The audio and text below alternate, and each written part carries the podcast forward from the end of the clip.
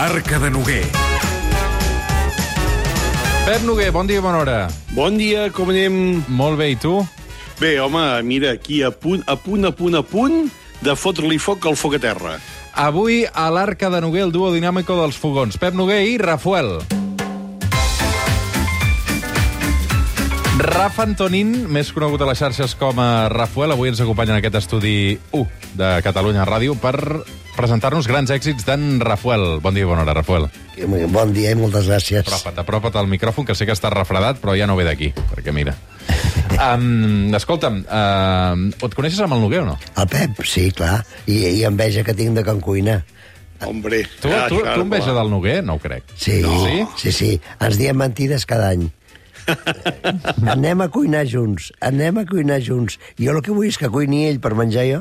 Va, que, quedem, a partir, a partir de la setmana que ve, que tenim la Fira Orígens, quedem un dia i abans d'acabi l'any quedem. Mm. I què fem? Quedem a Banyoles o quedem a l'autopista, allà a les Medes? On vulguis, on vulguis, tu. Escolta'm, el, el que no sé és si ets tu en Manuel de la Calva i jo en Ramon Arcusa o en revés d'aquest duo dinàmico. Del Rafuel podem dir que és, amb diferència, l'influencer gastronòmic més famós i estimat d'Instagram, 800.000 seguidors, poca broma, amb un èxit que t'ha arribat, eh, no sé si fins i tot per atzar, per casualitat, que no el buscaves, perquè tu això de la cuina t'interessava, però no era la teva dedicació i la teva professió, no? I mira, fins aquí. Bueno, perquè he tingut un... Aviam, uh, hi ha uns principis que sempre, sempre, sempre i, i els he mantingut. Ha sigut comprar uh, bon gènere, per comprar bon gènere per mil quilòmetres zero són els mercats, els mercats dels pobles, uh, que és més important que el mercat de la ciutat, però amb bon producte has de ser molt, molt bèstia per carregar-t'ho. Llavors, des del començament, he ensenyat producte, producte, producte, i, i, intentar el més senzill possible i el més a prop possible per ensenyar-ho a fer. No perquè la gent vingui a, al meu restaurant o al meu d'això, que no el tinc, ¿vale? Ni O sigui, l'has tingut mai, un restaurant. no, no, Ni el vols, tampoc. No. Ja, jo intento explicar aquella recepta, eh, jo sempre dic, te'n recordes aquella, aquella senyora que feia aquella truita i quan es va morir se'n van portar la recepta? Dic, mala puta. Tampoc cal. Vale? O sigui, en- ensenyar totes aquestes receptes que ens han ensenyat per poder-les traspassar a, a, a, a altres generacions. Això és el que he fet jo. Mm. Vale? Uh, I basat tot en producte molt bo. Producte molt bo per mi és molt fresc. Noguer, I, I respecte després per la tècnica, és a dir, tenim un bon producte que poden ser unes bones gambes o unes bones patates o unes clementines de les Terres de l'Ebre, però després respectar la, la, la cocció, no? cuinar-les bé. Bueno, clar, s'ha de, de saber tocar, tocar una mica i demanar informació. Vale? Avui tenim, gràcies a Déu, tenim tota la informació que volem, vale? per, eh, perquè estan a, tots els mitjans. Llavors, bueno, ja que has anat a comprar un bon producte, pues, s'ha de fer una cocció bona, que una cocció bona, segur, segur, és no passar-ho. Vale? Però fixa't, Pep, que tots parlem de lo mateix, ho sabem fer, però no en parlem i no ho divulguem, i això s'ha de divulgar. um, a tu què et dedicaves abans de la cuina? I, i jo m'he dedicat tota la vida al món del petroli. I el món del petroli té una d'això, que quan arriba l'hora de dinar ens agrada menjar bé. Vale? I a vegades, a vegades t'agrada menjar bé, però també t'agrada fer un quart d'hora de siesta, rentar-te la boca i sortir pentinat, i això és- només es fa a casa. I anaves a dinar a casa. Sí, Cuinaves tu? sí. Bueno, eh, eh, cuinava també la meva dona i, i eh, amb les meves germanes jo vinc de família numerosa, hem cuinat tota la vida hem cuinat tots plegats a la cuina s'hi feia molta vida si era gran Mm. I no has tingut mai la inquietud de tenir un restaurant? No, no, no, no ho, ti- ho he tingut claríssim. Per què? Claríssim. Jo vaig fer uns, molts cursos a Hoffman, vaig fer algun de professional com a aficionat, i sempre em, em deia, la May Hoffman em deia, Rafa, seis meses i eres, i eres chef. Dic, no, a mi no fas fer escandalls i jo no vull, jo no vull tindre un restaurant perquè és molta feina, és molt sacrificat i, i, bueno, i, i per fer bé ja et dic que és molt, molt, molt, molt complicat. Una mica com el Noguer, no? Clar, exacte. I, I és que, a, a més a més, en Rafa ho té molt clar, és a dir, uh, tu pots ser cuiner sense un restaurant. Jo ho he sigut sempre, és a dir, jo no he tingut mai un restaurant propi i no he deixat mai de cuinar. És a dir, i ara això avui en dia, precisament, mira, al Fòrum Gastronòmic d'aquesta setmana es va fer una ponència precisament de cuiners i cuineres sense restaurant, no? Uh, I és que la vida de la cuina pot anar molt més enllà. És a dir, tu pots dedicar a la cuina i no haver de tenir un restaurant. Precisament, mira, aquesta setmana mateix parlàvem, eh, avui en dia tenim una cosa a Catalunya eh, que és un problema, que són eh, els animals de cacera. Um, com és que no hi ha cap empresa, que no cal que sigui una empresa molt gran, sinó una microempresa que es dediqui a transformar aquesta carn d'animals de cacera que passin, per exemple, per un sistema, evidentment, de, de, de, de, seguranta, de seguretat alimentària i que es cuinin, no? Això tu ho veus a Itàlia i ho veus a Meravella i, en canvi, aquí no hi és. I com això, moltíssimes coses. Hi ha, hi ha una cosa que hi ha molta gent, ara que es parla tant d'emprenedoria, eh, hi ha una frase d'aquelles que diu que d'aquí a 15 anys no hi haurà el 20% de les feines que hi ha avui en dia. Però és que fa 20 anys el 20% de les feines que hi ha ara no hi eren. Per tant, el món de la gastronomia és molt gran. Digues, digues. Uh, i, i anem a fer una comparació. Jo recordo fa 20 anys a la Boqueria, anaves a dos quarts de vuit del matí i veies a 10 o 12 cuiners uh, comprant pels seus restaurants. O sigui, ja a primera hora del matí i molts d'ells havien anat a dormir tard. Uh, avui tota aquesta gent s'ha jubilat, no veus noves generacions, els mercats, no, no, tot bé, tot s'està comprant a través de grans distri distribucions, grans cadenes.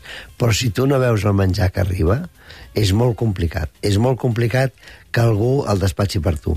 I aquí és on canvies qualitat i d'això. Jo parlo per, per la ciutat que jo conec, vale, que és Barcelona. Creus que um, es pot aprendre a cuinar amb uh, vídeos teus del, del YouTube i d'Instagram, que és una bona eina? Ja, uh, és una bona eina si tu no saps res. Uh, és una bona eina uh, perquè jo recordo moltes receptes que tu ja saps fer, vale? A mi, sempre que parlem de professionals de la cuina, per mi són tan professionals les mares que cuinen durant 40 anys pels seus fills de matí tarda. O sigui, eh, recordar, recordar moltes receptes, perquè portem 15 receptes al cervell i no les canviem. Vale? I dius, a vegades veus una, una d'això i dius, mira, a, aquesta recepta, si jo la sé fer, i llavors te la mires una altra vegada i la fas. O sigui, he recordat molta gent i molta gent de 14, 15, 16 anys han començat a fer a fer a cuinar, vale? Uh, jo crec que també uh, els últims 4 o 5 anys, per exemple, a Barcelona, hem millorat moltíssim les truites, entre tots. Entre tots, vale? Per què? Perquè hi ha una sèrie de senyors que s'han espavilat i estan fent truites molt bones. Hi ha molta gent que se l'està fent a casa i té un paladar molt més exigent. Per tant, hi ha aquelles maza, aquells mazacotes que hi havien, ja no hi són, perquè s'han quedat. Llavors, tothom s'ha espavilat a fer una truita més bona. Quan, quan, quanta estona hauríem de trigar per fer una bona truita de patates? Si és com l'àvia, és més, més d'una hora. Ah. Però la podem fer en mitja hora, tres quarts. Mm. Uh, Noguer, Noguer.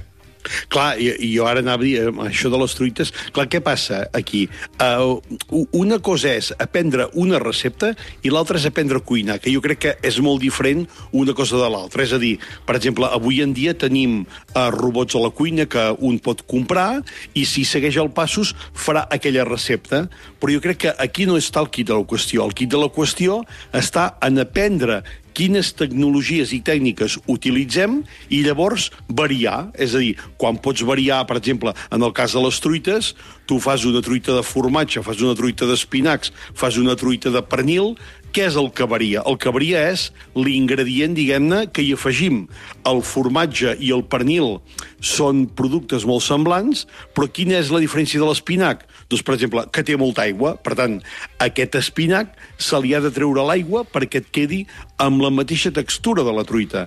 Aquí el kit de la qüestió. Quan en Rafael jo el veig, que fot aquestes truites tan fantàstiques de patates i, i de pernil i de formatge i de xoriço eh, i això, eh, ostres, jo dic, mira, aquest home sap cuinar, perquè sap utilitzar, diguem-ne, la, te, la tècnica... Perdona, Pep, amb, perdona, No? perdona, jo hi aporto entre mitja hora i tres quarts putxant patata. Clar. Perquè jo vull sentir l'olor aquella de la patata amb la ceba a poc a poc, perquè em recorda a casa la meva mare, quan arribàvem i s'estava fent truita de patata, aquella casa feia una olor impressionant. I si no aconsegueixo aquella olor, la truita no serà bona.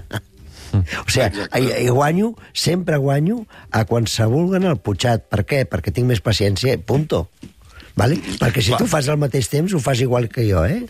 Exacte. Però aquí hi ha una cosa important, uh, Rafael, és quina patata, no? És dir, no és el mateix una patata d'aquestes del mes d'agost, que és nova, que una patata vella del mes de desembre o bueno, mes de la, gener. al final la patata l'has de tractar diferent. O sigui, tu has de saber... Bueno, normalment sempre jo ho faig sempre amb Mona Lisa, però si no tinc Mona Lisa perquè se m'han acabat, a vegades ho faig amb patates agres.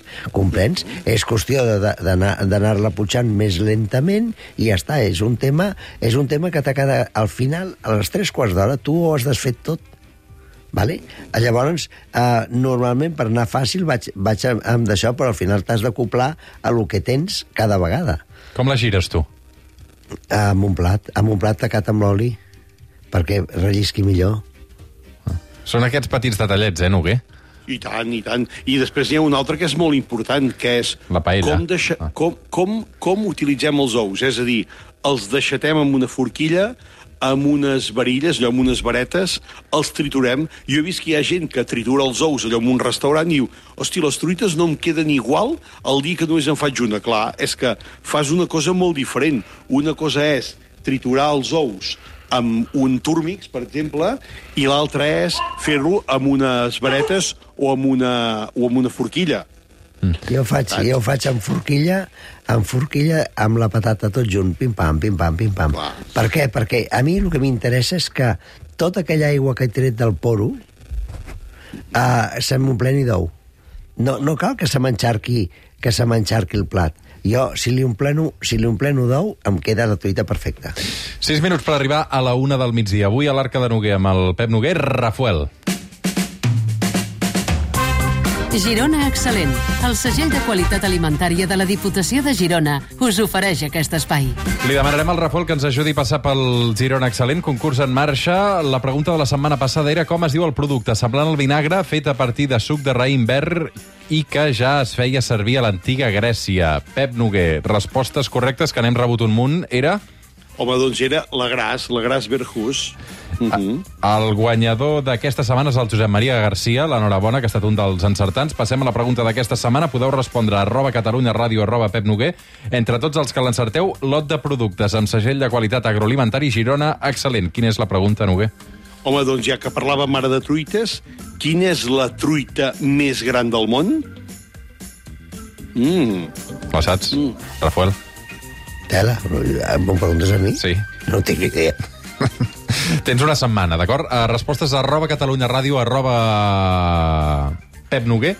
I, a més a més, arroba grans èxits del Rafael. És l'últim llibre, les millors receptes per cada dia. Uh, receptes de tota mena, um, senzilles i tendres, i, i m'estic veient les fotos que dic, uau, és que clar, aquesta hora ja, Rafael, no m'ho facis això, sisplau. Eh? És que- Mira, estic veient aquí un rap allagostat amb Uf. espàrrecs, que et fa calla, mal, eh? calla. Rap amb escopinyes, clar, és que tota la zona de peixos... Uh, en fi, uh, Rafael, et portarem un altre Molta, dia. molta gamba de Palamós Ah, sí? i sóc molt aficionat als sofregits de Palamós. Molt bé. Gràcies, Rafael, una abraçada. Abraçada a vosaltres. Ara tornem. Gràcies, Noguer. Cuida't. Un petó per tothom.